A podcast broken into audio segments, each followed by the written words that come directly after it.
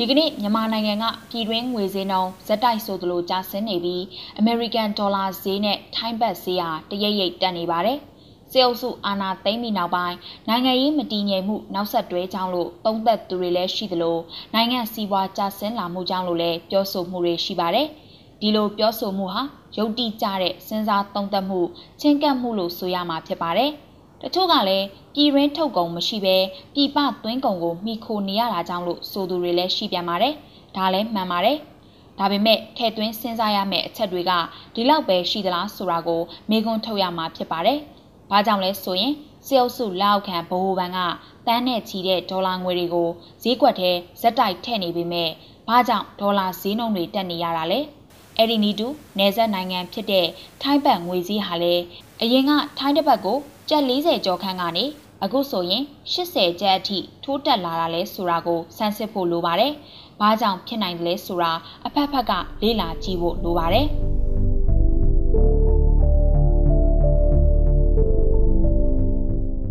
နိုင်ငံရေးမတည်ငြိမ်မှုဟာစီးပွားရေးပေါ်ဓာတ်ရိုက်အကျိုးသက်ရောက်မှုရှိတယ်ဆိုတာအားလုံးလိုလိုကနားလည်ထားပြီးသားပါ။ စီးပွားရေးတိုးတက်မှုနဲ့နိုင်ငံရေးတည်ငြိမ်မှုဟာနက်နက်ရှိုင်းရှိုင်းကိုဆက်သွယ်နေပါတယ်။မတည်ငြိမ်တဲ့နိုင်ငံရေးပတ်ဝန်းကျင်ဟာရင်းနှီးမြှုပ်နှံမှုနဲ့စီးပွားရေးဖွံ့ဖြိုးတိုးတက်မှုအရှိန်ကိုလျော့ကျစေပါတယ်။နိုင်ငံရေးမတည်ငြိမ်မှုကပဲနိုင်ငံစီးပွားတိုးတက်မှုကိုအားနည်းစေပြီးအစိုးရပြိုလဲခြင်းနဲ့နိုင်ငံရေးမတည်ငြိမ်မှုကိုပြန်ဖြစ်စေပါတယ်။ နိုင်ငံရေးတည်ငြိမ်မှုဟာလူသမိုင်းဖြစ်စဉ်တစ်ခုလုံးအတွက်စံသတ်မှတ်ချက်မဟုတ်ခဲ့ပေမဲ့နိုင်ငံမှာပဋိပက္ခနဲ့အာဏာရှင်ဆန်တဲ့ပြောင်းလဲမှုတွေအတွက်စိတ်ပူပင်နေစရာမလိုဘူးဆိုရင်နိုင်ငံသားတွေဟာအလုတ်ပေါ်မှာအာရုံစိုက်နိုင်တာစုဆောင်းနိုင်တာရင်းနှီးမြှုပ်နှံတာတွေကိုကောင်းကောင်းကြီးလှုပ်ဆောင်နိုင်ပါတယ်။ဒါပေမဲ့ဒါတွေနဲ့ပြောင်းပြန်နိုင်ငံရေးမတည်ငြိမ်မှုတွေဟာလူတွေရဲ့အလုတ်ကင်ပြက်လာတာစုဆောင်းမှုအတွက်မလုပ်နိုင်တော့တာ ရင်းနှီးမြှုပ်နှံမှုလုပ်ဖို့အခင်းအကျင်းသစ်တွေမရှိနိုင်တော့တဲ့အခါနိုင်ငံစည်းဝါးကျဆင်းလေးရှိပါတယ်။နိုင်ငံစည်းဝါးကျဆင်းလာပြီဆိုရင် နောက်ဆက်တွဲငွေကြေးဖောင်းပွားမှုတွေမြင့်မားလာသလိုပြည်တွင်းသုံးငွေတန်ဖိုးဟာလည်းတရိပ်ရိပ်ကျဆင်းလာတတ်ပါတယ်။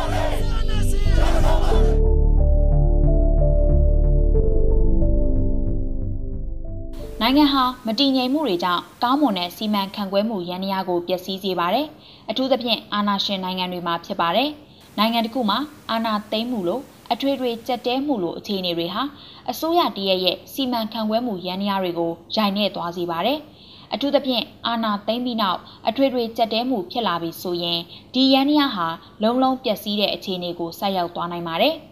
လက်တလောမြန်မာပြည်ရဲ့အခြေအနေဟာစီမံခန့်ခွဲမှုရန်ရာတွေပျက်စီးစာပြုတ်နေပြီလို့ဆိုရမှာဖြစ်ပါတယ်။အာနာသိန်းစေအုပ်စုဟာသူတို့နဲ့နှီးဆက်သူတွေသူတို့ဘက်တော်သားတွေနဲ့နိုင်ငံစီမံခန့်ခွဲမှုရန်ရာတွေကိုမောင်းနေနေပေမဲ့လည်းအားကောင်းမောင်းတန်မရှိလာပါဘူး။ကြာဆင်းနေတဲ့နိုင်ငံငွေကြေးစည်းကွက်နဲ့ပြည်တွင်းသုံးငွေတန်ဖိုးကြာဆင်းမှုကိုဖာထေးဖို့အတွက်စေအုပ်စုဟာဗဟိုဘဏ်ကတဆင့်ဆောင်ရွက်တာတွေရှိပေမဲ့တကယ်တကယ်တမ်းအလုံးမဖြစ်တာကိုတွေ့ရမှာဖြစ်ပါတယ်။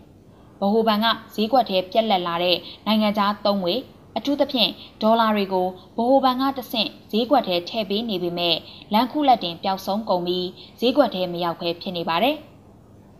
ဒီဒေါ်လာတွေဟာစေအုပ်စုနဲ့နှီးစပ်တဲ့စီးပွားရေးလုပ်ငန်းရှင်တွေလက်ထဲကိုသာရောက်နေပြီးတန်မိုးနှိပ်လာနေတဲ့ပြည်တွင်းသုံးငွေတွေဟာဈေးကွက်ထဲလှည့်ဝင်တာတွေရှိနေပါတယ်။ တစ်ဖက်မှာလည်းနိုင်ငံအတွက်လိုအပ်နေတဲ့ကျန်းမာရေးနဲ့ဝန်ဆောင်မှုကဏ္ဍတွေမှာပြည်ပသွင်းကုန်ကိုအားထားနေရမှုကလည်းဒေါ်လာလိုအပ်ချက်ကိုမိပေါင်ထိုးပေးနေတာကလည်းဒေါ်လာဈေးအားကောင်းခိုင်မာဖို့ကိုပိုပြီးတွန်းအားပေးနေပါတယ်။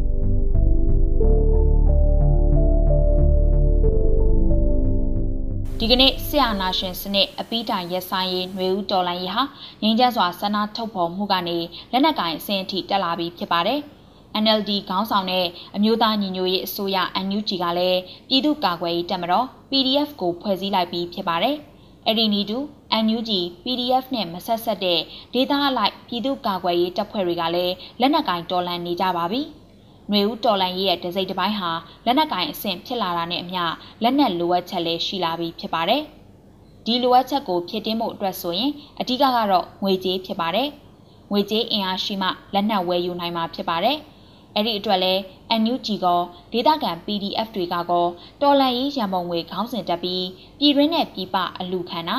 ငွေဦးထီရောင်းပြီးငွေရှာရတာတွေရှိလာတာဖြစ်ပါတယ်။ငငွေကြေးမရှိဘူးဆိုရင်လက်နက်ကင်ဒေါ်လာရေးဟာတင်းသက်ခံထားရတဲ့တစ်ပင်လိုတရွေ့ရွေ့အာဟာရပြတ်ပြီးတည်ဆုံးကုန်မှာဖြစ်ပါတယ်။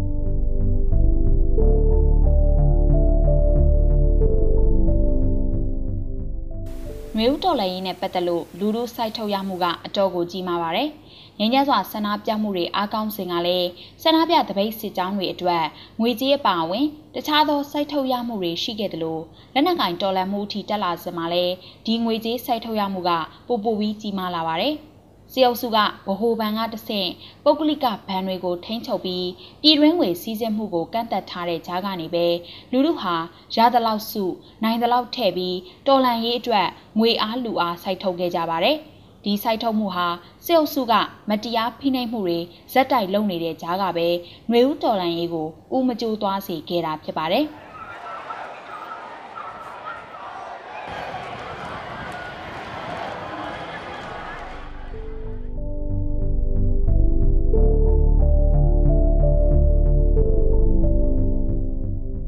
မှာပြောခဲ့သလိုလက်နက်ကင်တော်လန်မှုအတွက်အဓိကလိုအပ်ချက်ဟာငွေကြေးဖြစ်ပါတယ်။တော်လန်ရေးအင်အားစုတွေဟာလက်နက်ကင်တော်လန်ရေးအတွက်လက်နက်လိုအပ်ချက်ကိုဖြည့်ရှင်းဖို့မှောင်ခိုဈေးကွက်ကိုသာအားကိုးရတာဖြစ်ပါတယ်။ဒီမှောင်ခိုဈေးကွက်မှာပြည်တွင်းသုံးကျပ်ငွေနဲ့ဆိုရင်အတူတစ်ချောင်းတောင်ဝယ်လို့မရပါဘူး။ နွေဦးတော်လှန်ရေးကိုကူညီနေတဲ့ပြည်သူအပါအဝင်တခြားသောပြည်တွင်းကအင်အားစုတွေလက်ထဲမှာအလှငွေထောက်ပံ့ငွေကူညီငွေစသဖြင့်ခေါင်းစဉ်မျိုးစုံနဲ့ဝင်လာနေတဲ့တော်လှန်ရေးအတွက်ထည့်ဝင်မှုဟာအများအပြားပြည်တွင်းသုံးကျပ်ငွေတွေဖြစ်နေတတ်ပါတယ်။ဒါကြောင့်မှောင်ခိုဈေးကွက်မှာအသုံးပြုဖို့ဆိုရင်ဒေါ်လာ၊ထိုင်းဘတ်၊ရွှေစတာတွေနဲ့ပြန်ပြီးဖလှယ်ရလေးရှိပါတယ်။မှောင်ခိုဈေးကွက်မှာနောက်ထပ်အသုံးပြုတာကမူရစ်ဆေးဝါးအထူးသဖြင့်ဘိန်းမှာ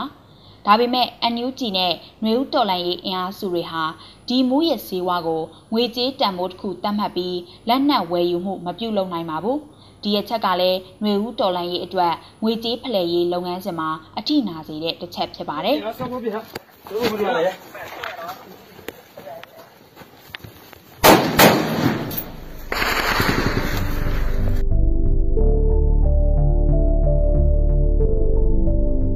အန်ယူဂျီနဲ့ຫນွေဦးတော်လှန်ရေးအင်အားစုတွေဟာလက်နက်ကင်တော်လှန်မှုအတွက်လက်နက်မှောင်ခိုဈေးကွက်မှာမြန်မာကျပ်ငွေသုံးမြဘူးဆိုတာကိုစစ်အုပ်စုကကောင်းကောင်းနားလည်ပါတယ်။ ဒါကြောင့်ပြည်တွင်းအင်အားစုတွေကတန်မိုးကျဆင်းနေတဲ့ပြည်တွင်းကျပ်ငွေသုံးပြီးဒေါ်လာထိုင်းဘတ်နဲ့ရွှေတွေဝယ်ယူပြီးတော်လန်ရေးအင်အားစုတွေစီပို့ပေးနိုင်တဲ့အခြေအနေကိုတွက်ဆပြီးစစ်အုပ်စုဟာပြည်တွင်းကသူတို့နဲ့နှီးစပ်တဲ့စီးပွားရေးလုပ်ငန်းရှင်တွေနဲ့ပေါင်းပြီးဈေးကစားမှုတွေငွေဈေးဆွဲတင်မှုတွေလုပ်ပြီးပြည်တွင်းကျပ်ငွေတန်မိုးကြားတစ်ထက်ကြားဆင်းအောင်လုပ်နေကြတာဖြစ်ပါတယ်။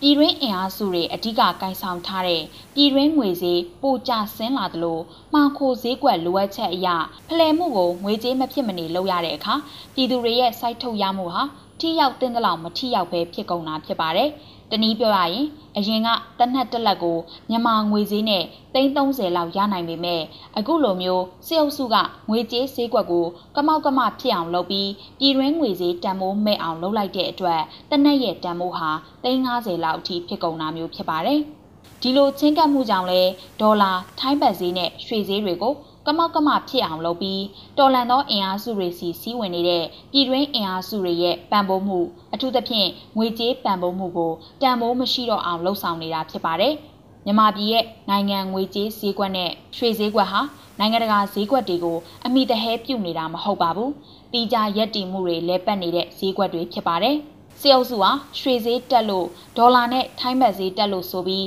လုပ်ငန်းရှင်တွေကိုအဖမ်းပြ ဈေးကွက်ထဲပစ္စည်းထက်ထဲတဲ့နီးနဲ့ကုရှင်ခံပြနေပေမဲ့လည်းဒီကနေ့အထိတရိပ်ရိပ်တက်နေစေဖြစ်တာကိုကြည့်ရင်ဒါဟာစစ်အုပ်စုလက်ချက်မကင်းဘူးဆိုတဲ့အချက်ကိုသက်သေပြနေတာဖြစ်ပါတယ်